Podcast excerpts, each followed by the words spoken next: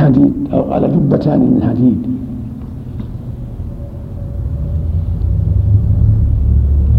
فالمتصدق كلما أراد يصدق انفتحت الجبة واتسعت حتى تغطي قدمه وتعفي أثره. لأن اعتاد هذا فينشرح لها صدره والبخيل. كل ما أراد أن يخرج صدقة ضاق بها صدره. وسدت عليه الجبة وسدت عليه حلقاتها ضاقت. مثال عظيم. مثل ما في نفسه من الشح والحرص والكراهة للصدقة مثل الجبة التي فيها حلقات. كل ما أراد أن يتسعها ضاقت عليه. هكذا البخيل. كل ما أراد أن يتصدق ضاقت نفسه. اشتد عليه الكرب حتى يعجز عن الصدقة لأنه يعتدها بخلاف أن يسر الله أمره واعتاد الصدقة فإنه كلما أراد ذلك انفتح لها صدره وانشرح لها صدره حتى يخرجها بنفس طيبة فهذه الآثار والأحاديث كلها تفيد ينبغي للمؤمن أن يعود نفسه. ينبغي للمؤمن أن يعود نفسه صدقة يعودها يجتهد في تعويدها الجود والكرم يمرنها على ذلك حتى يعتاد الخير وحتى ينشرح له صدره وفق الله آمين. أحسن الله إليك. أحد الأخوان يشتري مصاحف ويضعها في المساجد. وقف لله. هل تعتبر صدقة جارية؟ نعم. صدقة جارية. اشتريها الوقت صدقة جارية. المصاحف والكتب صدقة جارية. وهكذا لو وقف بيت أو أرض في صدقة الفقراء أو في مشاريع الخير صدقة صدقة جارية. أحسن الله إليك. مستمره يعني. إن تلحق صاحبها بعد الموت. أحسن الله إليك يا شيخ في حديث داوم مرضاكم بالصدقة ضعيف الحديث ضعيف. هذه ما من الصدقة فإنما لا يتعداها ضعيف. لكن من باب الشواهد من باب الترغيب والترهيب. ولكنها من أسباب العافية الصدقة من أسباب العافية من أسباب التوفيق من أسباب رحمة الله للعبد. حديث أبي ذر. نعم. حديث أبي ذر. ذكر رحمه الله. ما أعرف حال سنده. نعم. لكنها بالشواهد يقول في الهامش رواه الإمام أحمد والبخاري ومسلم بأخسر منه. إيه. ذكر. يحتاج مراجعة لفظه نعم. بأخسر. نعم بأخسر منه. يحتاج نعم. نعم. جزاك الله خيرا. بسم الله الرحمن الرحيم. الحمد لله رب العالمين والصلاة والسلام على نبينا محمد وعلى آله وصحبه أجمعين. أما بعد قال الحافظ ابن القيم رحمه الله تعالى في فضل الصدقة وفي الصحيحين عن أبي هريرة رضي الله عنه قال ضرب رسول الله صلى الله عليه وسلم مثل البخيل والمتصدق كمثل رجلين عليهما جنتان من حديد أو جنتان من حديد قد اضطرت أيديهما إلى ثديهما وتراقيهما فجعل المتصدق كلما تصدق بصدقة انبسطت عنه حتى تغشي ينامله وتعفو آثره وجعل البخيل كلما هم بصدقة قلصت وأخذت كل حلقة مكانها.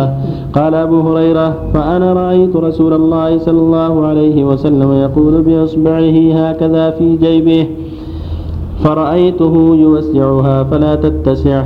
وروى البخاري هذا الحديث في كتاب الزكاة عن أبي هريرة رضي الله عنه أيضا.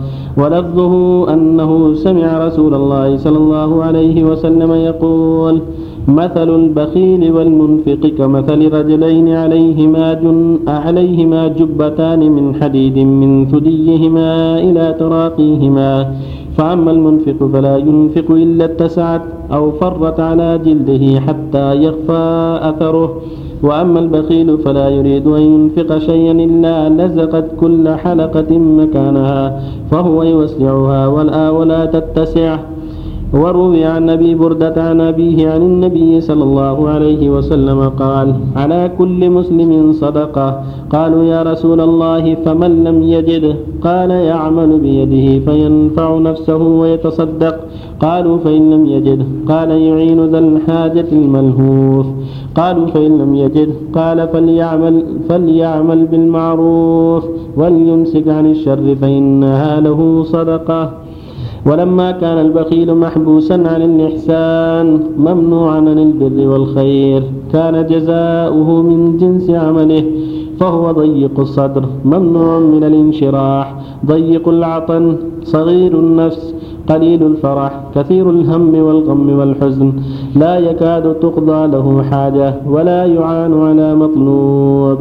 فهو كرجل عليه جبة من حديد قد, قد, قد جمعت يداه إلى عنقه قد جمعت يداه إلى عنقه بحيث عليه جبة. فهو كرجل عليه جبة من حديد. جمعت. هذا يداه يعني نعم. قد جمعت يداه إلى عنقه جمعت يداه بسبب نعم جزاكم الله خير يداه نعم جزاكم الله خير قد جمعت يداه إلى عنقه بحيث لا يتمكن من إخراجها ولا حركتها وكل وكلما أراد إخراجها أو توسيع تلك الجبة لزمت كل حلقة من من حلقها موضع موضعها وهكذا البخيل كلما أراد أن يتصدق منعه بخله فبقي قلبه في سجنه كما هو. والمتصدق كلما تصدق بصدقة انشرح له انشرح لها قلبه وانفسح بها صدره فهو بمنزلة اتساع تلك الجبة عليه. فكلما تصدق اتسع وانفسح وانشرح وقوي فرحه وعظم سروره ولو لم يكن في الصدقة إلا هذه الفائدة وحدها لكان العبد حقيقة بالاستكثار منها والمبادرة إليها. وقد قال تعالى ومن يوق شح نفسه فأولئك هم المفلحون وكان عبد الرحمن بن عوف وسعد بن أبي وقاص يطوف بالبيت وليس له وليس له دأب إلا هذه الدعوة. وكان عبد الرحمن بن عوف أو سعد بن أبي وقاص يطوف بالبيت وليس له دأب إلا هذه الدعوة. رب قني شح نفسي. رب قني شح نفسي. فقيل له أما تدعو بغير هذا هذه الدعوة؟ فقال إذا وقيت شح نفسي فقد أفلحت. والفرق بين الشح والبخل أن الشح هو شدة الحرص على الشيء والإحفاء في طلبه والاستقصاء في تحصيله وجشع النفس عليه. والبخل منع إنفاقه بعد حصوله وحبه وإمساكه فهو شحيح قبل حصوله بخيل بعد حصوله. فالبخل ثمرة الشح والشح يدعو إلى البخل والشح كامن في النفس فمن بخل فقد أطاع الشح ومن لم يبخل فقد فقد عصى شحه وبقي شره. وذلك هو المفلح. ومن يوق شح نفسه فأولئك هم المفلحون. والسخي قريب من الله تعالى ومن خلقه ومن أهله وقريب من الجنة وبعيد من النار والبخيل بعيد من خلقه بعيد من الجنة قريب من النار. فجود الرجل يحببه إلى أضداده وبخله يبغضه إلى أولاده إلى أولاده. ويظهر عيب المرء في والسخي قريب من الله تعالى ومن خلقه ومن أهله وقريب من الجنة وبعيد من النار والبخيل بعيد من خلقه بعيد من الجنة قريب من النار. فجود الرجل يحببه إلى إلى أوضاده وبخله فجود الرجل يحببه إلى أضداده أضداده نعم. فجود الرجل يحببه إلى أضداده وبخله يبغضه إلى أولاده ويظهر عيب المرء في النفس بخله ويستره عنهم جميعا سخاؤه. تغط بأثواب السخاء فإنني أرى كل عيب بالسخاء غطاؤه. السخاء أرى كل عيب بالسخاء غطاؤه وقارن إذا قارنت حرا فإنما يزين ويزري بالفتى قرناؤه. وأقلل إذا ما استطعت قولا فإنه إذا قل قول المرء قل خطاؤه. إذا قل مال المرء قل صديقه وضاقت عليه أرضه وسماؤه. وأصبح لا يدري وإن كان حازما أقدامه خير له أم وراءه. إذا المرء لم يختر صديقا لنفسه فنات به في الناس هذا جزاؤه. وحد السخاء بذل ما يحتاج إليه عند الحاجة وأن يوصل ذلك إلى مستحقه بقدر الطاقة. وليس كما قال بعض من نقص علمه حد الجود بذل الموجود. ولو كان كما قال هذا القائل لارتفع اسم السرف والتبذير وقد ورد الكتاب بذمهما وجاءت السنة بالنهي عنهما وإذا كان السخاء محمودا فمن وقف على حده سمي كريما وكان للحمد مستوجبا ومن قصر عنه كان بخيلا. ومن قصر عنه كان بخيلا وكان للذم مستوجبا وقد روي في أثر إن الله عز وجل أقسم بعزته ألا يجابره بخيل والسخاء نوعان فأشرفهما سخاؤك عما بيد غيرك والثاني سخاؤك ببذل ما في يدك فقد يكون الرجل من نسخ الناس وهو لا يعطيهم شيئا لأنه سخى عما في أيديهم. وهذا معنى قول بعضهم السخاء أن تكون بمالك متبرعا وعم بمالك. أن تكون بمالك مالك مالك. أن تكون بما بمالك متبرعا. وعما لغيرك متورعا. وصلى الله عليه بسم الله الرحمن الرحيم صلى الله وسلم على رسول الله وعلى آله وأصحابه. أما بعد فهذه هذا الحديث الصحيح في بيان صفة البخيل والسخي وما جاء في هذا من الآثار. كلها تدل على شرعية الجود والكرم والإحسان والبذل والإنفاق في سبيل الله وعدم الشح والبخل. وأن السخي غني من الله وقريب من عباده ومن أهله ومن الجنة. والبخيل بعيد من الله ومن أهله ومن الناس ومن الجنة. فلينبغي فالذي ينبغي المؤمن العناية بهذا الأمر وأن يجاهد نفسه حتى يؤدي حق الله وحق عباده وحتى لا يبخل بما أوجب الله عليه. فالسخاء هو بذل المال في محله وفي جهاته المناسبة وفي أوقاته المناسبة هذا هو السخاء. أما قول بعضهم الجود بذل الموجود هذا غلط. لأن بذل الموجود يدخل يدخل في الإسراف والتبذير هذا لا يصلح. لكن السخاء والجود هو يبذل المال في محله للضيف للفقير ينفق على من يستحق النفقة يقيم مشاريع الخيرية يطلب ما عند الله. فهو يبذل المال في المحل المناسب ولا يبذر ولا يسرف. بل مثل النبي صلى الله عليه وسلم السخي والبخيل برجلين عليهما جبتان أو جنتان من حديد.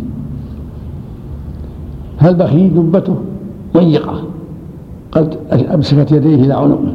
كل ما أراد يخرج يده لما استطاع من شدة ما في قلبه من الشح والبخل وحب المال.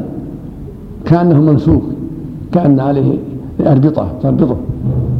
لضيق نفسه وحرجه وعدم انبساطه للبذل. أما السخي فجبته تتسع كل ما أراد اتسعت. هذه إشارة لما في قلبه من الخير. كل ما أراد انشرح صدره واتسع قلبه وفرح بالنفقة فهو يوسعها وتتسع وينشرح لها صدره حتى تعفي أثره وتغطي أقدامه. يعني تنسحب تنزل. مما في قلبه من الرخاء والمحبة للنفقة والأنس بها. فينبغي المؤمن أن يعود نفسه. السخاء والجود والإحسان في محله. وأن يحفظ المال عن الإسراف والتبذير. فيكون جوادا بالمال في محل البذل. في الصدقة على الفقراء في مشاريع الخير إلى غير هذا من وجوه الخير. ولكن يحفظه عن التبذير وعن الإسراف والبذل فيما لا يصح. والله يقول من يبخل فإنما يبخل عن نفسه. مضرة عليه. فالشحيح هو الحريص على المال بكل طريق من حرام وحلال. وإذا أمسكه بخل به. وقال شحيح. حريص على المال بخيل في إخراجه وتصريفه فالبخيل نتيجة فالبخل نتيجة الشح فهو شحيح قبل وجود المال حريص على كسب المال بكل طريق من حلال وحرام ومتى وجد المال بخل به ولم ينفق. قال تعالى ومن يوق شح نفسه فأولئك هم المفلحون ووقع الله شح نفسه فأنفق المال واخذه من وجهه فقد أفلح. كان عبد الرحمن بن عوف رضي الله عنه يطوف البيت ويقول في طوافه اللهم قني شح نفسي اللهم قني شح نفسي. فقال بعض الناس الا تدعو بغير هذا. قال إذا وقعني الله شح نفسي وقد أفلحت. هذا الدعاء مهم. اللهم قني شح نفسي. وفق الله الجميع آمين. صلى الله عليه صلى الله عليك هل كل من يأتيك يسأل تعطيه؟ وفي اموالهم حق معلوم للسائل والمحروم. إلا إذا علمت أنك كذاب اجزره انصحه إذا علمت أنك كذاب وغيها الله. هذا ينصح ويعلم ينكر عليه. لا يجوز. أما إذا كان مجهول أو تعرف حاجته السنة تعطيه ما تيسر. بسم الله الرحمن الرحيم. الحمد لله رب العالمين. والصلاة والسلام على نبينا محمد وعلى آله وصحبه أجمعين. أما بعد قال الحافظ ابن القيم رحمه الله تعالى وسمعت شيخ الإسلام ابن تيمية قدس الله روحه يقول أوحى الله تعالى إلى إبراهيم صلى الله عليه وسلم أتدري لم اتخذتك خليلا؟ قال لا. قال لأني رأيت العطاء أحب إليك من الأخذ. لأني رأيت العطاء أحب إليك من الأخذ. وهذه صفة من صفات الرب جل جلاله فإنه يعطي ولا يأخذ ويطعم ولا يطعم وهو أجود الأجودين وهو يطعم ولا يطعم وهو أجود الأجودين وأكرم الأكرمين وأحب الخلق إليه من اتصف بصفاته فإنه كريم يحب الكريم من عباده. وعالم يحب العلماء وقادر يحب الشجعان وجميل يحب الجمال. روى الترمذي في جامعه قال حدثنا محمد بن بشار قال حدثنا أبو عامر قال أخبرنا خالد بن إلياس عن صالح بن أبي حسان قال سمعت سعيد بن المسيب يقول إن الله طيب يحب الطيب نظيف يحب النظافة كريم. إن الله طيب يحب الطيب. إن الله طيب يحب الطيب. نظيف يحب النظافة. لا يقول إلا طيبا نعم إن الله طيب يحب يحب الطيب. نظيف يحب الطيب نظيف يحب النظافة كريم يحب الكرم جواد يحب الجود. فنظفوا أفنيتكم ولا تشبهوا باليهود ولا تشبهوا باليهود. قال فذكرت ذلك لمجاهد بن مسمار فقال حدثنيه عامر بن عامر بن سعد عن أبيه رضي الله تعالى عنه عن النبي صلى الله عليه وسلم مثله إلا أنه قال فنظفوا أفنيتكم هذا حديث غريب. خالد بن إلياس يضعف. خالد بن إلياس يضعف. وفي الترمذي أيضا في كتاب البر قال الحديث ضعيف نعم. نعم. وفي الترمذي أيضا في كتاب البر قال حدثنا الحسن بن عرفة حدثنا سعيد بن محمد الوراق عن يحيى بن سعيد عن الأعرج عن أبي هريرة عن النبي صلى الله عليه وسلم قال السخي قريب من الله قريب من الجنة قريب من الناس.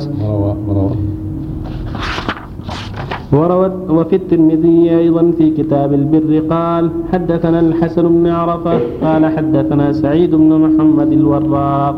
عن يحيى بن سعيد عن الأعرج عن أبي هريرة عن النبي صلى الله عليه وسلم قال السخي قريب من الله قريب من الجنة قريب من الناس بعيد من النار والبخيل بعيد من الله بعيد من الجنة بعيد من الناس قريب من النار.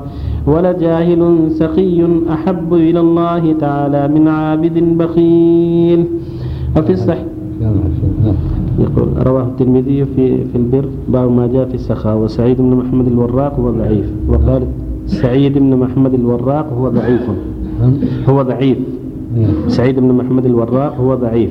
وقال الترمذي هذا حديث غريب لا نعرفه من حديث يحيى بن سعيد عن الأعرج عن أبي هريرة إلا من حديث سعيد بن محمد. وقد خولف سعيد بن محمد في رواية هذا الحديث عن يحيى بن سعيد. إنما يروي عن يحيى بن إن آه إنما يروي عن يحيى بن سعيد عن عائشة مرسلا. إنما يروي إنما يروى عن عن يحيى بن سعيد عن عائشة مرسلا.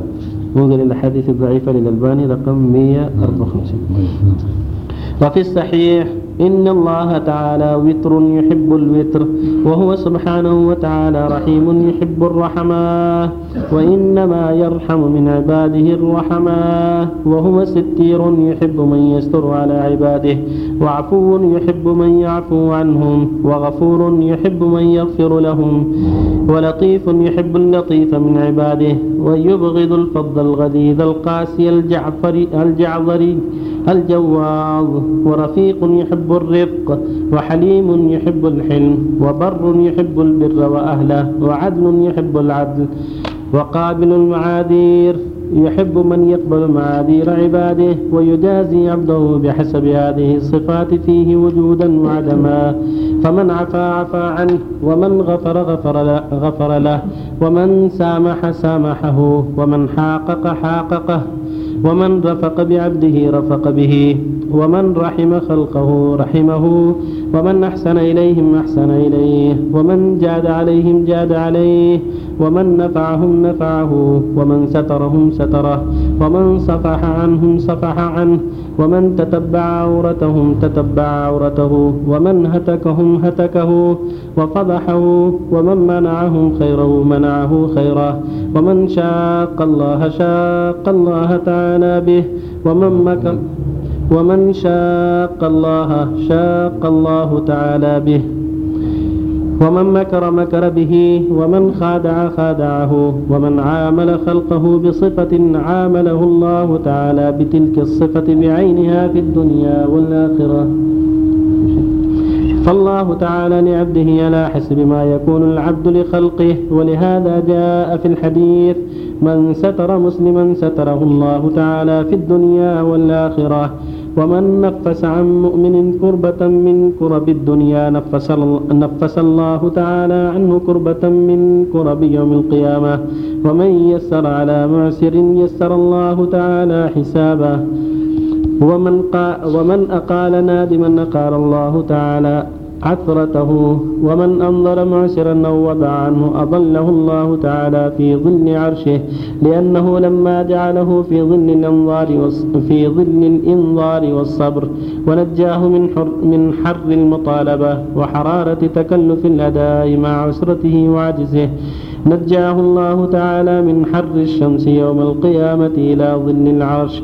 وكذلك الحديث الذي في الترمذي وغيره عن النبي صلى الله عليه وسلم أنه قال في خطبته يوما يا معشر من آمن بلسانه ولم يدخل الإيمان إلى قلبه لا تؤذوا المسلمين ولا, تتب ولا تتبعوا عوراتهم فإنه من تتبع عورة أخيه تتبع الله عورته ومن تتبع الله عورته عورته يفضحه ولو في جوف بيته.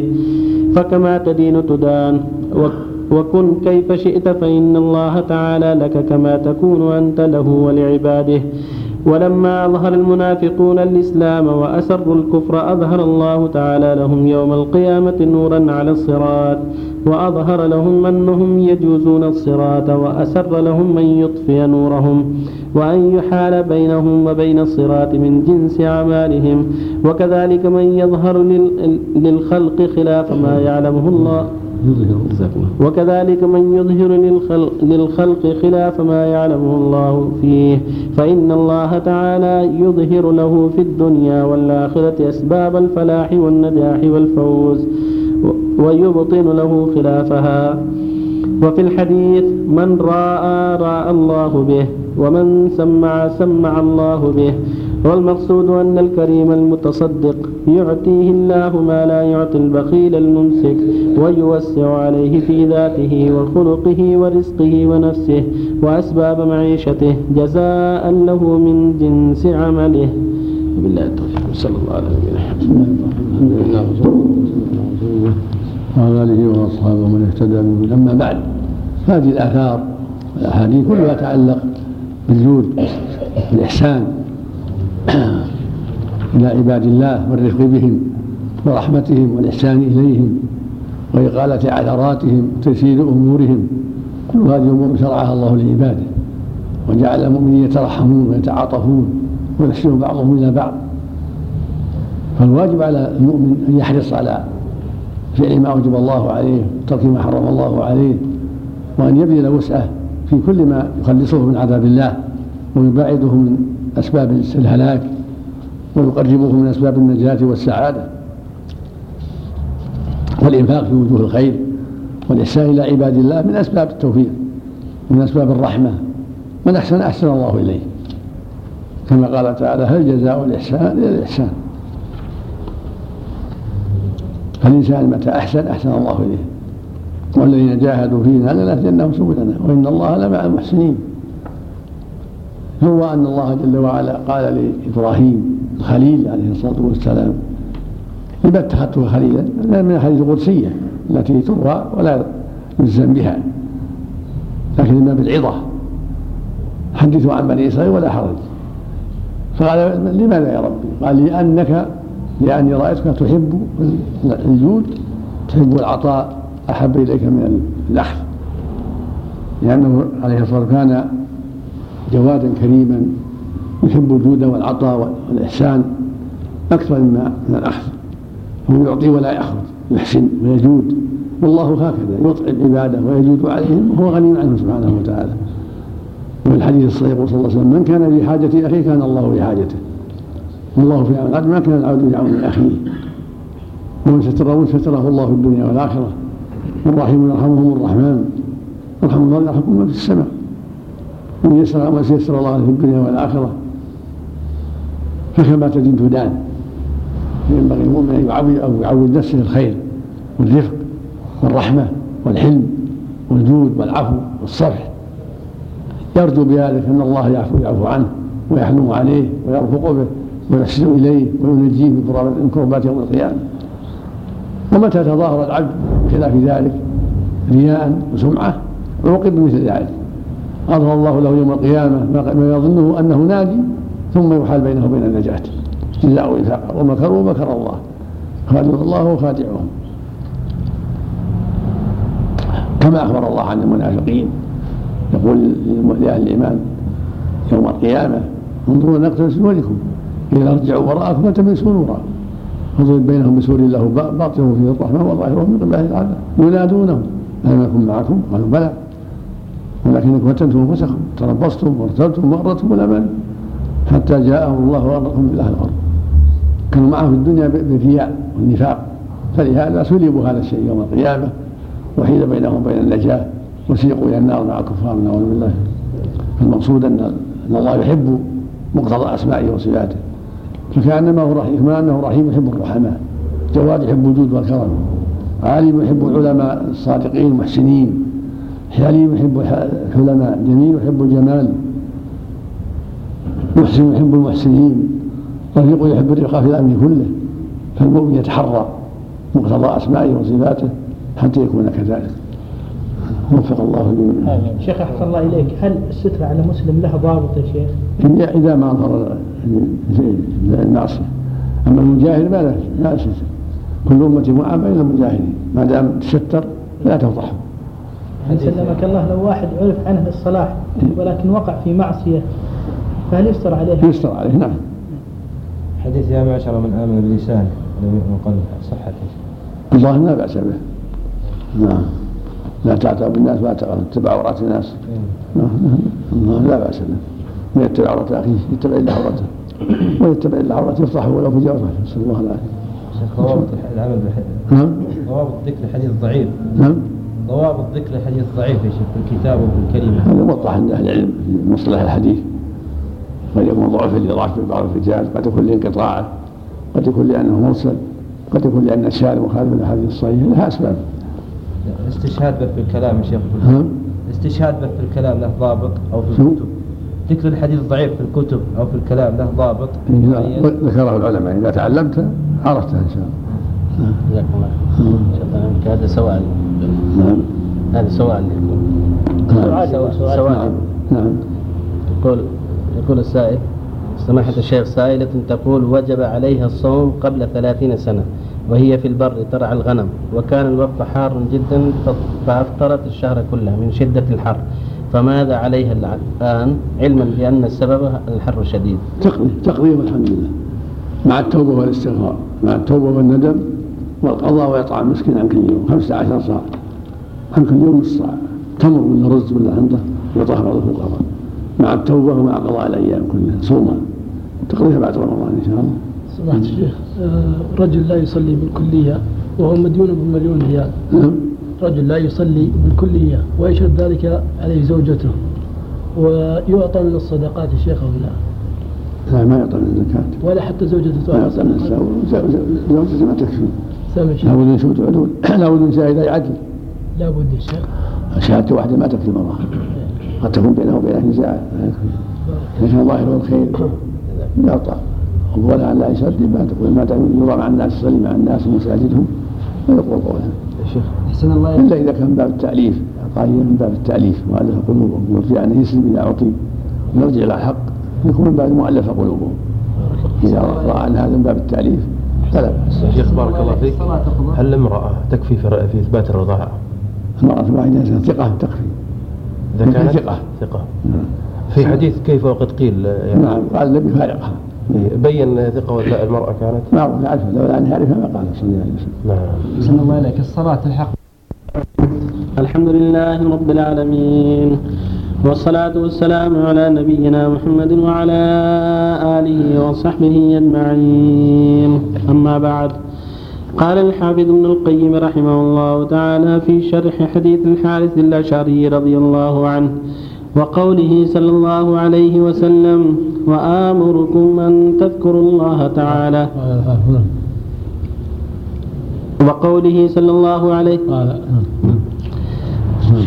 قال الحافظ ابن حافظ ابن القيم رحمه الله تعالى في شرح حديث في حديث الحارث الأشعري رض- رضي الله عنه وقوله صلى الله عليه وسلم وآمركم أن تذكروا الله تعالى فإن مثل ذلك كمثل رجل خرج العدو في يثره سراعا حتى إذا أتى إلى حصن حصين فأحرز نفسه منهم.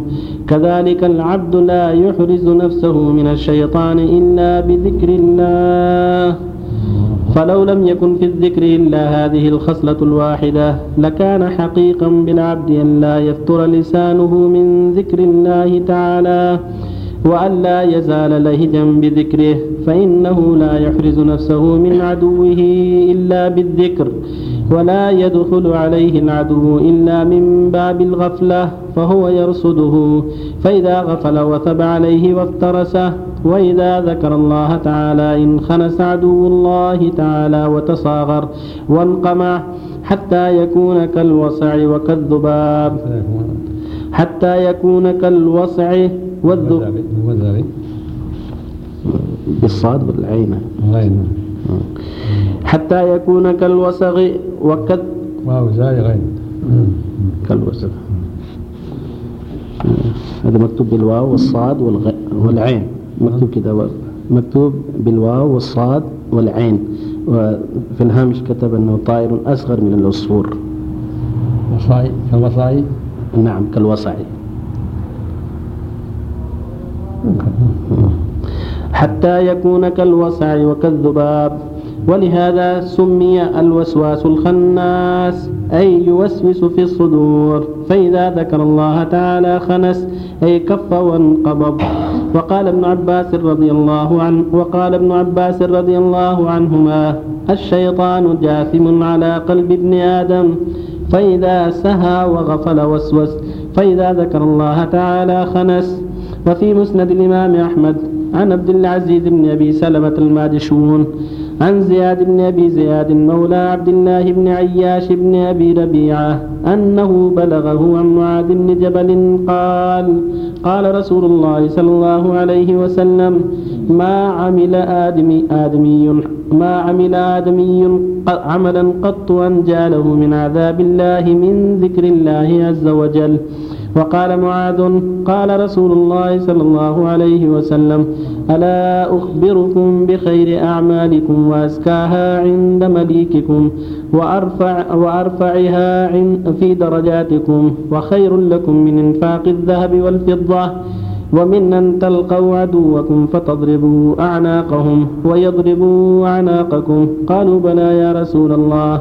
قال ذكر الله عز وجل ففي صحيح مسلم عن أبي هريرة رضي الله عنه قال كان رسول الله صلى الله عليه وسلم يسير في طريق مكة فمر على جبل يقال له جمدان فقال سيروا هذا جمدان سبق المفردون. قيل وما المفردون يا رسول الله؟ قال الذاكرون الله كثيرا والذاكرات. وفي السنن عن أبي هريرة رضي الله عنه قال قال رسول الله صلى الله عليه وسلم ما من قوم يقومون من مجلس لا يذكرون الله تعالى فيه إلا قاموا عن مثل جيفة حمار وكان عليهم حسرة. وفي رواية الترمذي ما جلس قوم مجلسا لم يذكروا الله فيه ولم يصلوا على نبيهم إلا كان عليهم ترة فإن شاء عذبهم وإن شاء غفر لهم.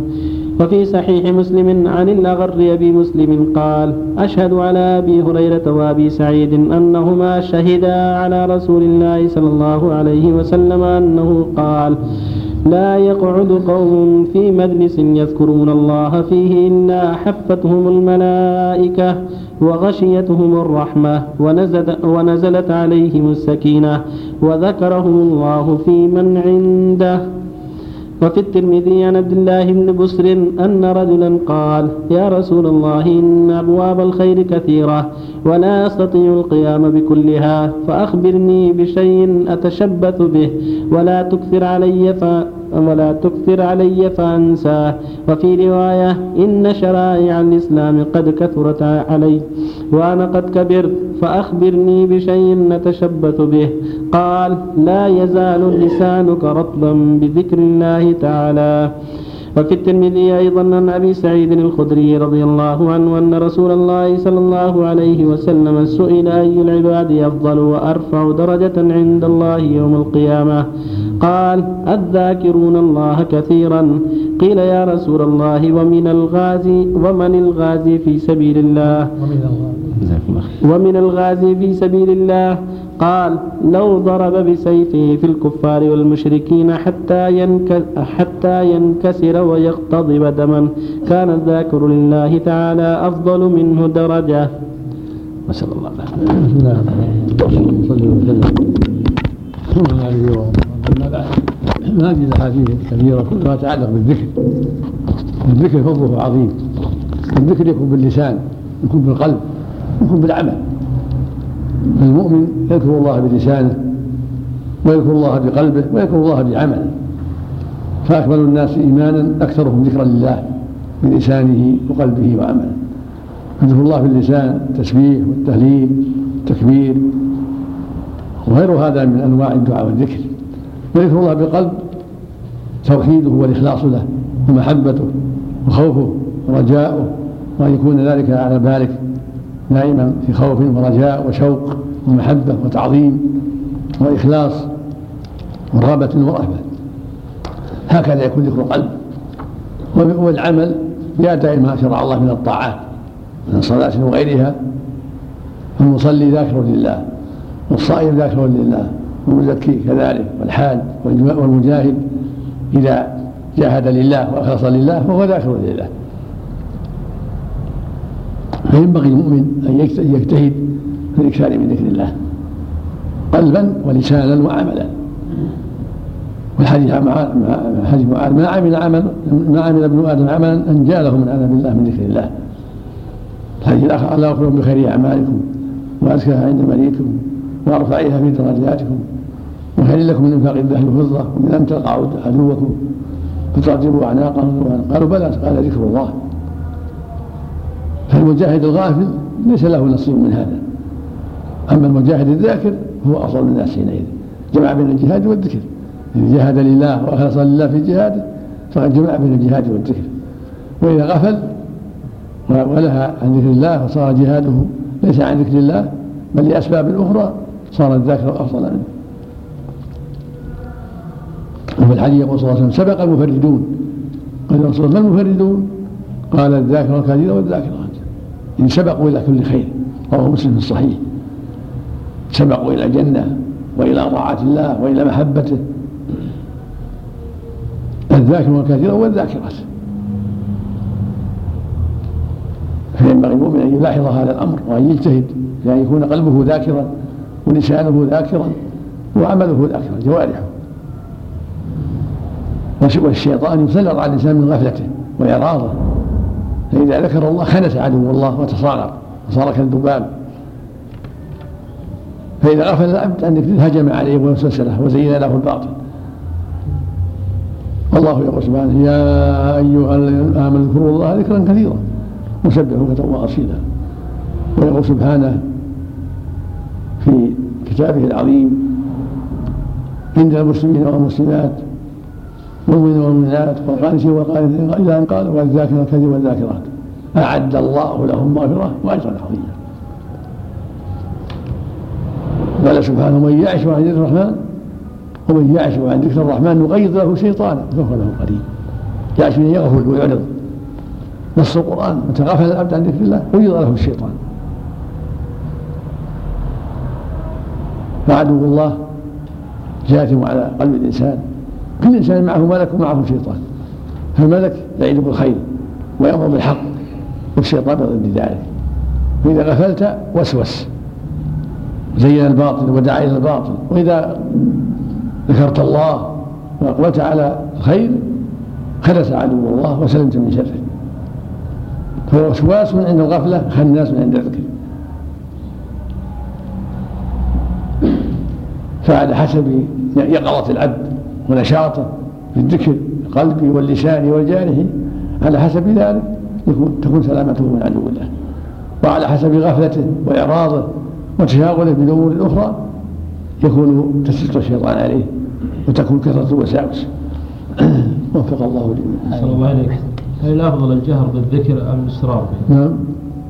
هل الأفضل الجهر بالذكر أم الإصرار به؟ يذكر الله ذكرا يسمعه من حوله حتى ينفع نفسه وينفع الناس. إلا في الصلاة إذا سلم من الصلاة يرفع صوته. كان كان النبي يرفع صوته بعد السلام من الصلاة. والصحابة كانوا يرفعون أصواتهم بعد السلام من الصلاة. أما العادي في بقية الأوقات يكون يسمع نفسه يسمع نفسه يسمع من حوله حتى يقتدى به. والنبي كان يذكر الله فيسمعه الصحابة ويقتدون به عليه الصلاة والسلام. حديث الغازي أحسن الله إليك. صحيح؟ نعم. حديث الغازي في سبيل الله قال لو ضرب بسيفه يعني مع الغفله مثل ما قال ابن إذا غفل. لكن الغافل الغازي غافل جاهل ما عنده ذكر. أما الغازي المخلص لله هو أفضل. الجهاد أفضل. أفضل الأعمال. حديث ضعيف الله نعم. ما راجع صلاته لكن مثل ما قال ابن القيم. لو صح هو محمول على الغافل. الذي ما ما يذكر الله. يجاهد لأسباب أخرى غير الإخلاص لله. بسم الله الرحمن الرحيم. الحمد لله رب العالمين. والصلاة والسلام على نبينا محمد وعلى آله وصحبه أجمعين. أما بعد. قال الحافظ ابن القيم رحمه الله تعالى في فضل الذكر وفي صحيح البخاري عن نبي موسى عن نبي موسى رضي الله عنه عن النبي صلى الله عليه وسلم قال: مثل الذي يذكر ربه والذي لا يذكر ربه مثل الحي والميت. ففي الصحيحين عن أبي هريرة عن عن أبي هريرة رضي الله عنه قال قال رسول الله صلى الله عليه وسلم يقول الله تبارك وتعالى أنا عند ظن عبدي بي وأنا معه إذا ذكرني فإن ذكرني في نفسه ذكرته في نفسي. وإن ذكرني في ملأ ذكرته في ملأ خير منهم وإن تقرب إلي شبرا تقربت إليه ذراعا وإن تقرب إلي ذراعا تقربت منه باعا وإذا أتاني يمشي أتيته هرولة وفي, وفي الترمذي عن أنس أن رسول الله صلى الله عليه وسلم قال إذا مررتم برياض الجنة فارتعوا. قالوا يا رسول الله وما رياض الجنة؟ قال حلق الذكر. وفي الترمذي أيضا عن النبي صلى الله عليه وسلم عن الله عز وجل أنه يقول إن عبدي كل عبدي الذي يذكرني وهو, وهو ملاق قرنه. وهذا الحديث هو فصل الخطاب في التفضيل بين الذاكر والمجاهد فإن الذاكر المجاهد أفضل من الذاكر بلا جهاد والمجاهد بلا جهاد والمجاهد الغافل والذاكر بلا جهاد أفضل من المجاهد الغافل عن الله تعالى. فأفضل الذاكرين المجاهدون وأفضل المجاهدين الذاكرون. قال الله تعالى يا أيها الذين آمنوا إذا لقيتم فئة فاثبتوا واذكروا الله كثيرا لعلكم تفلحون. فأمرهم بالذكر الكثير والجهاد معا ليكونوا على رجاء من الفلاح وقد قال تعالى يا أيها الذين آمنوا اذكروا الله ذكرا كثيرا. وقال تعالى والذاكرين الله كثيرا والذاكرات أي كثيرا. وقال تعالى فإذا قضيتم مناسككم فاذكروا الله كذكركم آباءكم أو أشد ذكرا. ففيه الأمر بالذكر بالكثرة والشدة والشدة, والشدة لشدة حاجة العبد إليه وعدم استغنائه عنه طرفة عين. ففيه الأمر بالذكر بالكثرة والشدة لشدة إليه ناله وكان خسرانه فيها أعظم مما ربح في غفلته عن الله. وقال بعض العارفين لو أقبل عبد على الله تعالى كذا وكذا سنة ثم أعرض عنه لحظة لكان ما فاته أعظم مما حصله. وذكر البيت. لكان ما فاته أعظم مما حصله. لكان لكان ما فاته أعظم مما حصله. وذكر البيهقي عن عائشة عن النبي صلى الله عليه وسلم أنه قال ما من ساعة تمر بابن آدم لا يذكر الله تعالى فيها إلا تحسر عليها يوم إلا تحسر عليها يوم القيامة.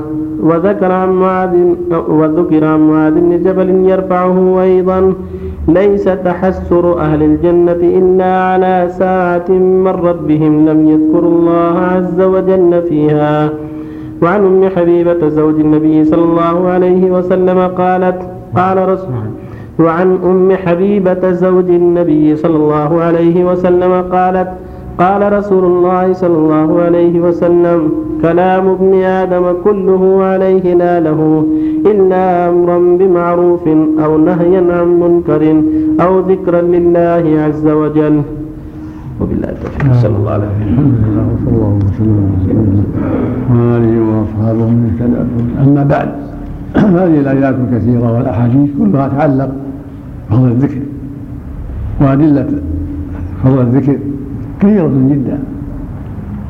فجدير بالمؤمن أن يأمر أوقاته بذكر الله قلبا ولسانا وعملا.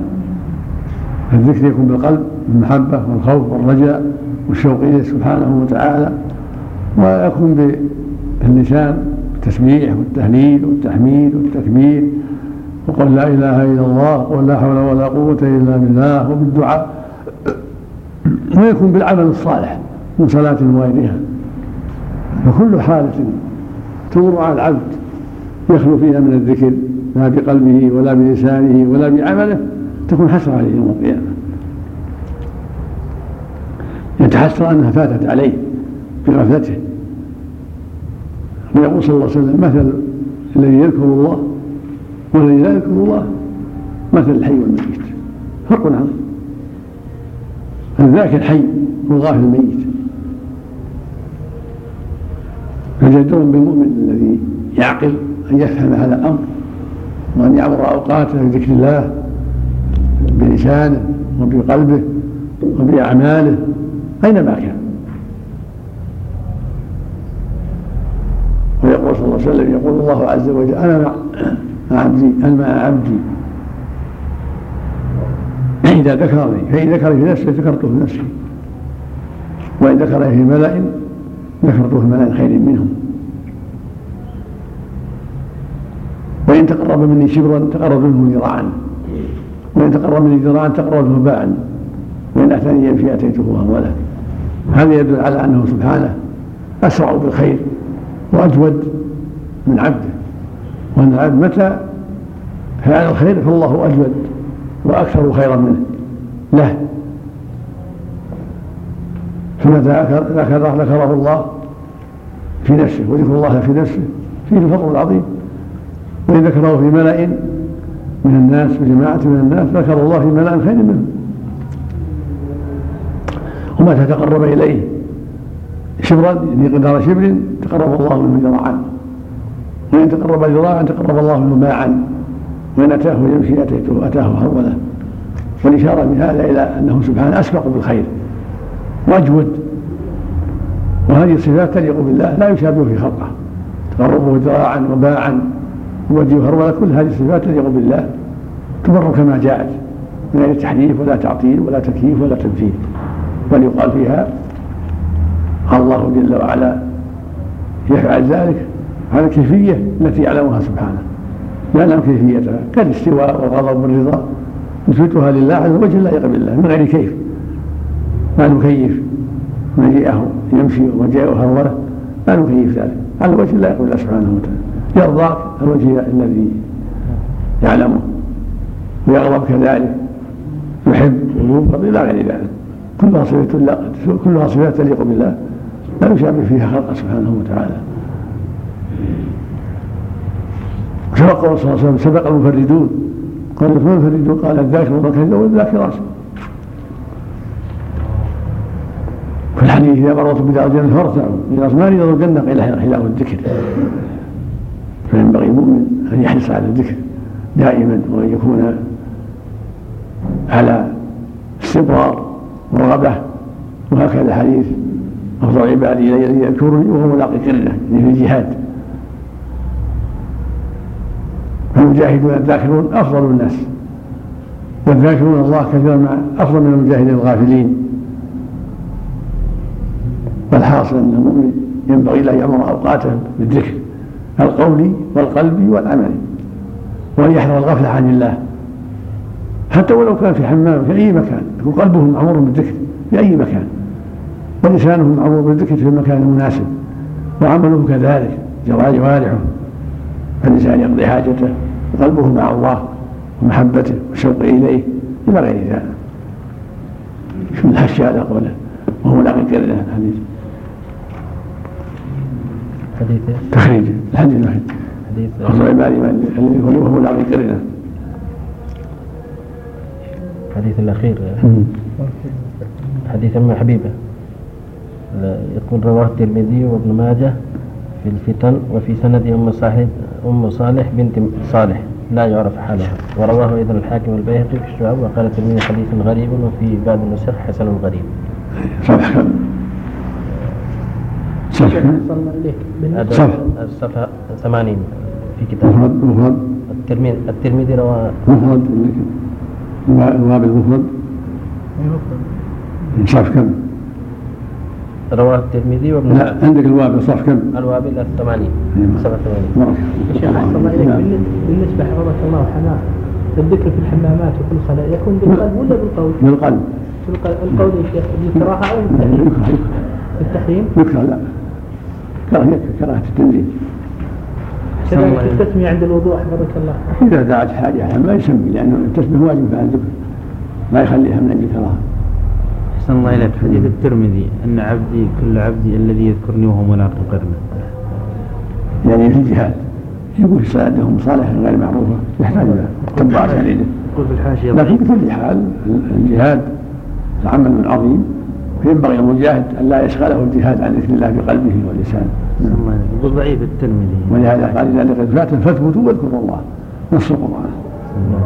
فيجاهد وهو ذاكر الله عز وجل. أحسن الله إليك يا شيخ. آه، من لم يهتم بأمر المسلمين فليس منهم هل هذا الحديث؟ ضعيف لكن معناه صحيح. يعني دين النصيحة دين النصيحة. أحسن الله, أحسن الله إليك. إذا كان الأب لا يقود السيارة ها؟ إذا كان الأب لا يقود السيارة ويقود به ابنه ويأمره أن يذهب مثلا أغراض ومن بينها يخفف من لحيته. فهل يجوز أن ابنه مثلا يسوق بالسيارة؟ الظاهر ما يجوز له. يساعد على حلق اللحية أو قصها أو يروح بالزنا أو يروح بالسرقة أو يروح بالأمر المحرم كله لا يجوز. له إنما الطاعة في المعروف يقول لك الصحابة يؤمنون يعلمهم السنة. أي. يعلمهم السنة. اللهم المستعان نعم. الحمد لله رب العالمين. والصلاة والسلام على نبينا محمد وعلى آله وصحبه أجمعين. أما بعد. قال الحافظ ابن القيم رحم رحمه الله تعالى في فضل الذكر. وعن معاذ بن جبل رضي الله عنه قال سألت رسول الله صلى الله عليه وسلم أي الأعمال أحب إلى الله عز وجل؟ قال أن تموت ولسانك رطب من ذكر الله عز وجل. وقال أبو الدرداء وعن معاذ بن جبل قال سألت رسول الله صلى الله عليه وسلم أي الأعمال أحب إلى الله عز وجل؟ قال أن تموت ولسانك رطب من ذكر الله عز وجل. عن معاذ بن جبل. أنت إيش؟ قال. أن تموت ولسانك نعم. قال أن تموت ولسانك رطب من ذكر الله عز وجل. وقال أبو الدرداء رضي الله تعالى عنه لكل شيء جلاء وإن جلاء القلوب ذكر الله عز وجل. وذكر البيهقي مرفوعا من حديث عبد الله بن عمرو رضي الله عنه عن النبي صلى الله عليه وسلم أنه كان يقول لكل شيء صقالة وإن صقالة القلوب ذكر الله عز وجل. وما من شيء أنجى من عذاب الله عز وجل من ذكر الله عز وجل. قالوا ولا الجهاد في سبيل الله عز وجل. قال ولو أن يضرب بسيفه حتى ينقطع. ولا ريب أن القلب يصدأ كما يصدأ النحاس والفضة وغيرهما وجلاؤه بالذكر فإنه يجلوه حتى يدعه كالمرآة البيضاء. فإذا ترك الذكر صدأ فإذا جزاكم الله فإذا ترك الذكر صدئه وإذا ذكره جلاه وصدوا وصدوا القلب بأمرين بالغفلة والذنب وجلاؤه بشيئين بالاستغفار والذكر. فمن كانت الغفلة أغلب فمن كانت الغف الغفلة أغلب أوقاته كان الصدأ متراكبا على قلبه وصدأه بحسب غفلته. وإذا صدي القلب لم تنطبع فيه صور المعلومات على ما هي عليه فيرى الباطل في صورة الحق والحق في صورة الباطل لأنه لما تراكم عليه الصدى أظلم فلم تظهر فيه صورة الحقائق كما هي عليه. فإذا تراكم عليه الصدى واسود وركبه الران فإذا تراكم عليه الصدى الصدى واسود. اسود اسود. ما في واو. جزاكم فلما تراكم عليه الصدى اسود. فإذا تراكم فإذا تراكم عليه الصدى اسود. وركبه الران. فسد تصوره وإدراكه. فلا يقبل حقا ولا ينكر باطلا. وهذا أعظم عقوبات القلب وأصل, وأصل, وأصل ذلك في الغفلة واتباع الهوى فإنهما يطمسان نور القلب ويعميان بصره. قال الله تعالى ولا تطع من أغفلنا قلبه عن ذكرنا واتبع هواه وكان أمره فرطا. فإذا أراد العبد أن يقتدي برجل فلينظر هل هو من أهل الذكر أو من الغافلين؟ وهل الحاكم عليه الهوى أو الوحي؟ فإن كان الحاكم عليه هو الهوى وهو من أهل الغفلة وأمره فرط لم يقتد به. ولم يتبعه فإنه يقوده إلى الهلاك. ومعنى الفرط قد فسر بالتضييع أي أمره الذي يجب أن يلزمه ويقوم به وبه رشده وفلاحه ضائع قد فرط فيه.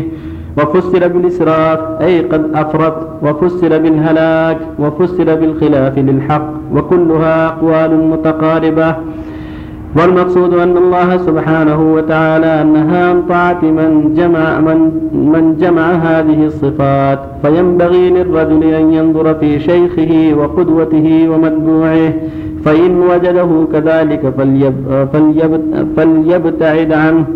وإن وجده ممن غلب عليه ذكر الله تعالى واتباع السنة وأمره غير مفروط عليه بل هو حازم في أمره فليتمسك بعروته ولا فرق بين الحي والميت إلا بالذكر. فمثل الذي يذكر ربه والذي لا يذكر ربه كمثل الحي والميت. وفي المسند مرفوعا أكثروا من ذكر الله تعالى حتى يقال مجنون. نعم. يقول رواه الإمام أحمد في المسند والحاكم وقال صحيح الإسناد وليس كما قال بل هو ضعيف كما قال الألباني في الأحاديث الضعيفة. كما قال الألباني في الأحاديث الضعيفة. وسيورده المصنف من كلام أبي مسلم الخولاني بلفظ مقارب, مقارب من حديث الدراج أبي السمح أنا بالهيثم عن أبي سعيد والدراج عن أبي الهيثم ضعيف. انتهى. أما بعد هذه الآثار والأحاديث ما تدل على عظم شأن الذكر تقدم في ذلك أحاديث وآيات منها قوله جل وعلا يا أيها الذين اذكروا الله ذكرا كثيرا وسبحوا بكرة وأصيلا. ولفي صفة المؤمنين والذاكرين الله كثيرا والذاكرات أعد الله لهم مغفرة وأجرا عظيما. قوله جل وعلا فإذا قضيت الصلاة فانتشروا الأرض وابتغوا من فضل الله فاذكروا الله كثيرا لعلكم تفلحون. تقدمت الأحاديث الصحيحة في ذلك منها قوله صلى الله عليه وسلم سبق المفردون. من الرسول مفردون وقال الذاكر كثيرا والذاكرات. المقصود أن الذكر له شأن عظيم ويكون بالقلب. كالتسبيح والتهليل والتحميد والتكبير ويكون ب... يكون يكون باللسان بالتسبيح والتحميد والتهليل والدعاء والاستغفار ويكون بالقلب محبة الله وتعظيمه وخوفه ورجائه والشوق إليه ويكون بالعمل من الصلاة والزكاة والصوم والحج والجهاد والأمر بالمعروف والنهي عن المنكر وغير ذلك. فالباب الجامع هو الذكر. فلا ينبغي يكون لسانك خاليا من ذكر الله بل ينبغي يكون رطبا من ذكر الله. وهكذا جوارحك. وهكذا حديث عبد الله بن بسر لما قال اخبرني بالباب تمسكوا به جامعا قال لا يزال لسانك رطبا من ذكر الله. الله عز وجل يقول ولا تطع من اغفلنا قلبه عن ذكره واتبع هواه. وكان أمره فرطا قال سبحانه من يعش عن ذكر الرحمن نقيض له شيطانا فهو له قريب المؤمن يجتهد في ذكر الله قلبا ولسانا وعملا. هذه علامات السعادة. وعلامة الهلاك الغفلة عن الله. قولا وعملا وعقيدة. والهوى يهوي بصاحبه إلى النار. قال تعالى ولا تتبع الهوى فيضلك عن سبيل الله. قال تعالى وأما من خاف مقام ربه ونهى النفس عن الهوى فإن الجنة هي المأوى قال تعالى ومن اضل من اتبع هواه بغير هدى من الله. فالواجب منا يحاسب نفسه. ويجاهدها حتى يتبع الحق ويقاتل الحق قولا وعملا وعقيدة ويحذر الهوى والغفلة. فإن الغفلة متى رانت على القلوب اسودت وقست وربما ماتت بكلية. وذلك بالمعاصي والشرور والغفلة عن الله وجلسة الأشرار. ومع ذكر الله والاكثار من قراءه القرآن والعمل الصالح وجلسة الأخيار تبيض القلوب. وتقوى وينبت فيها ينبت فيها الذكر وترى الأمور على ما هي عليه على حقائقها فإذا غلب الهوى وغلبت الغفلة صار الأمر فرضا. وضاعت عليه أمور دينه ودنيا نسأل الله العافية. نسأل الله جميع العافية والهداية والسلام ولا حول ولا قوة إلا بالله أحسن الله إليك. بالنسبة لل- للذكر هل يحصل له الأجر على من ذكر الله عز وجل وقلبه لاهي أو غير؟ على حسب على حسب حاله كل له حسبه. إذا اجتمع القلب واللسان تمت المسألة وإذا كان القلب فله نصيب إذا كان اللسان فله نصيب وإذا اجتمعت الثلاثة القلب واللسان والجوارح فله الكمال. بالنسبة للأجر المترتب على كل له حسب كل كل على قدر حضور قلبه وعلى قدر عمله. على- نسأل الله لا حول ولا قوة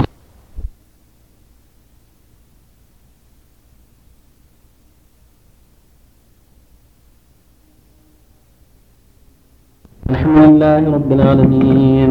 والصلاة والسلام على نبينا محمد وعلى آله وصحبه أجمعين.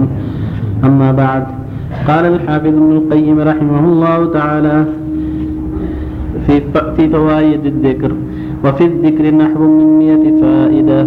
إحداها أنه يطرد الشيطان ويقمعه ويكسره. الثانية أنه يرضي الرحمن عز وجل. الثالثة أنه يزيل الهم والغم عن القلب. الرابعة أنه يجلب للقلب الفرح والسرور والبسط. الخامسة أنه يقوي القلب والبدن. السادسة أنه ينور الوجه والقلب. السابعة أنه يجلب الرزق. الثامنة أنه يكسو الذاكر الذاكر المهابة والحلاوة والنظرة. التاسعة أنه يورثه المحبة التي هي روح الإسلام وقطب روح الدين ومدار السعادة والنجاح وقد جعل الله لكل شيء سببا وجعل سبب المحبة دوام الذكر. فمن أراد أن ينال محبة الله عز وجل فليلهج بذكره فإن الدرس والمذاكرة فإن الدرس والمذاكرة كما أنه باب العلم. فالذكر باب المحبة وشارعها الأعظم وصراطها الأقوم. العاشرة أنه يورث المراقبة حتى يدخله في باب الإحسان. في فيعبد الله كأنه يراه ولا سبيل للغافل عن الذكر إلى مقام الإحسان كما لا سبيل للقاعد إلى الوصول إلى البيت. الحادية عشرة أنه يورثه الإنابة وهي وهي الرجوع إلى الله عز وجل. فمتى أكثر الرجوع إليه بذكره؟ أورثه ذلك رجوعه بقلبه إليه في كل أحواله. فيبقى الله عز وجل مفزعه وملجأه وملاذه ومعاذه وقبلة قلبه ومهربه عند النوازل والبلايا. الثانية عشرة أنه يورثه القرب منه فعلى قدر فعلى قدر ذكره لله فعلى قدر ذكره لله عز وجل يكون قربه منه وعلى قدر غفلته يكون بعد بعده منه. الثالثة عشرة أنه يفتح له بابا عظيما من أبواب المعرفة وكلما أكثر من الذكر ازداد من المعرفة. الرابعة عشر الرابعة عشر أنه يورثه الهيبة لربه عز وجل وإذلاله لشدة استيلائه على قلبه. أنه يورثه الهيبة لربه عز وجل وإذلاله. لشدة استيلائه على قلبه. الهيبة الهيبة. أنه يورثه الهيبة لربه عز وجل وإجلاله. والذل له. إجلاله. إجلاله. إجلاله. إجلال الجيم نعم بالجيم وإجلاله بشدة استيلائه على قلبه وحضوره مع الله تعالى بخلاف الغافل. فإن حجاب الهيبة رقيق في قلبه. بالله التوفيق. الله وسلم. الحمد لله وصلى الله وسلم على رسول الله وعلى آله وأصحابه. أما بعد هذه الكلمات كلها تتعلق بفوائد الذكر. والذكر له فوائد كثيرة. ذكر المؤلف رحمه الله أنها أكثر من مئة. وعند التأمل قد تكون مئات. فالذكر يكون بالقلب ويكون باللسان ويكون بالعمل. الله يقول سبحانه الذين آمنوا وعملوا الصالحات وتطمئن القلوب الا بذكر الله تطمئن القلوب. بذكر الله تطمئن القلوب. وترتاح النفوس. وتزول الغفله ويحضر القلب فيكون بذكره لله قريبا من الله بعيدا من الشيطان قريبا من الخير بعيدا من الشر. وهو من أسباب دعاء الهم والكرم. والغفله وظلمة القلب وران القلب ومن أسباب قربه من الله وتلذذه بمناجاته وخوفه منه ومحبته له به سبحانه وتعالى. ومن أسباب كمال المحبة وكمال المراقبة وكمال المعاينة أيضا يعبد الله كأنه يراه ولهذا يقول جل وعلا ومن يعش حديث الرحمن يقيد له شيطانا هو له قريب فالغفله من اسباب تقييد الشيطان وتسليطه عليه واليقظه والانتباه الذكر القولي والعملي من أسباب طرد الشيطان. ولما ذكر أهل النار ذكر أنهم هم الغافلون. فقال سبحانه أم تحسبوا أن أكثرهم يسمعون أو يعقلون؟ إنهم ذاك الأنعام بل هم أضل سبيلا. وقال تعالى ولقد ذرأنا لجهنم كثيرا من الجن والإنس لهم قلوب لا يفقهون بها. ولهم أذن لا يوصلون بها. ولهم أذان لا يسمعون بها. أولئك الأنعام. بل هم أضل. أولئك هم الغافلون. هم الغافلون من ورضوان الله. المشغولون بأهوال نفوسهم هم الغافلون. ولولا يكون في ذكر الله أنه يقربك من الله ويعليك به ويحببه إليك ويعظم خوفه في قلبك والشوق إليه والتلذذ بمناجاته وطاعته من الشيطان لكان هذا كافيا. فكيف يكون من الفوائد العظيمة؟ ما لا يحصى فاكثر من ذكر الله في قلبك من خوفه ومحبته والشوق إليه والتلذذ بمناجاته واستحضار عظمته وأنك موقوف بين يديه وأنك ملاقيه يوم القيامة وأنك في جواره إذا دخلت الجنة. تستحضر هذه الأمور. فيكون ذلك من أسباب رغبتك في الآخرة. ومن أسباب المبادرة إلى طاعة الله ورسوله ومن أسباب الإكثار من ذكره باللسان. لأن القلب هو الأساس. كلما عظم ذكر الله في القلب والشوق إليه ومحبته وتعظيمه والخوف منه كثر آثر ذلك على اللسان والجوارح. فالجميع للمؤمن أن يهتم بهذا الأمر وأن يحرص عليه. والحديث الصحيح. من ذكر بنفسه ذكرته بنفسه ومن ذكر به الملأ ذكرته في ملأ خير منه. ومن تقرب إليه شبرا تقرب به ذراعا. ومن تقرب به ذراعا تقرب به باعا. ومن أتاني شبية تهمنا هذا يبين أن الله أسبق بالخير لك وأعظم منك في إنشاء إسداء الخير وتفضله به إليك إذا أحسنت في العمل. واجتهدت في العمل. ويقول جل وعلا فاستبقوا الخيرات. ويقول جل وعلا إن الذين هم من ربهم مشفقون ومنهم بآيات ربهم يؤمنون. ومنهم بربهم لا يشركون. ومن يؤتون ما آتوا قلوبهم وجلة أنهم إلى ربهم راجعون قال تعالى أولئك يسارعون في الخيرات وهم لا سابقون فجمع لهم من الذكر جمع لهم ذكر القلب بخشية الله والاشفاق منه. والوجل منه لكن جمع لهم أيضا آه، إنهم يؤدون ما يؤدون من الأعمال وقولهم وجله أنهم يعملون طاعات قولية والعملية على الوجل والخوف من أجل ايمانهم بأنهم ظالمون عليهم وانه جازيهم بأعمالهم.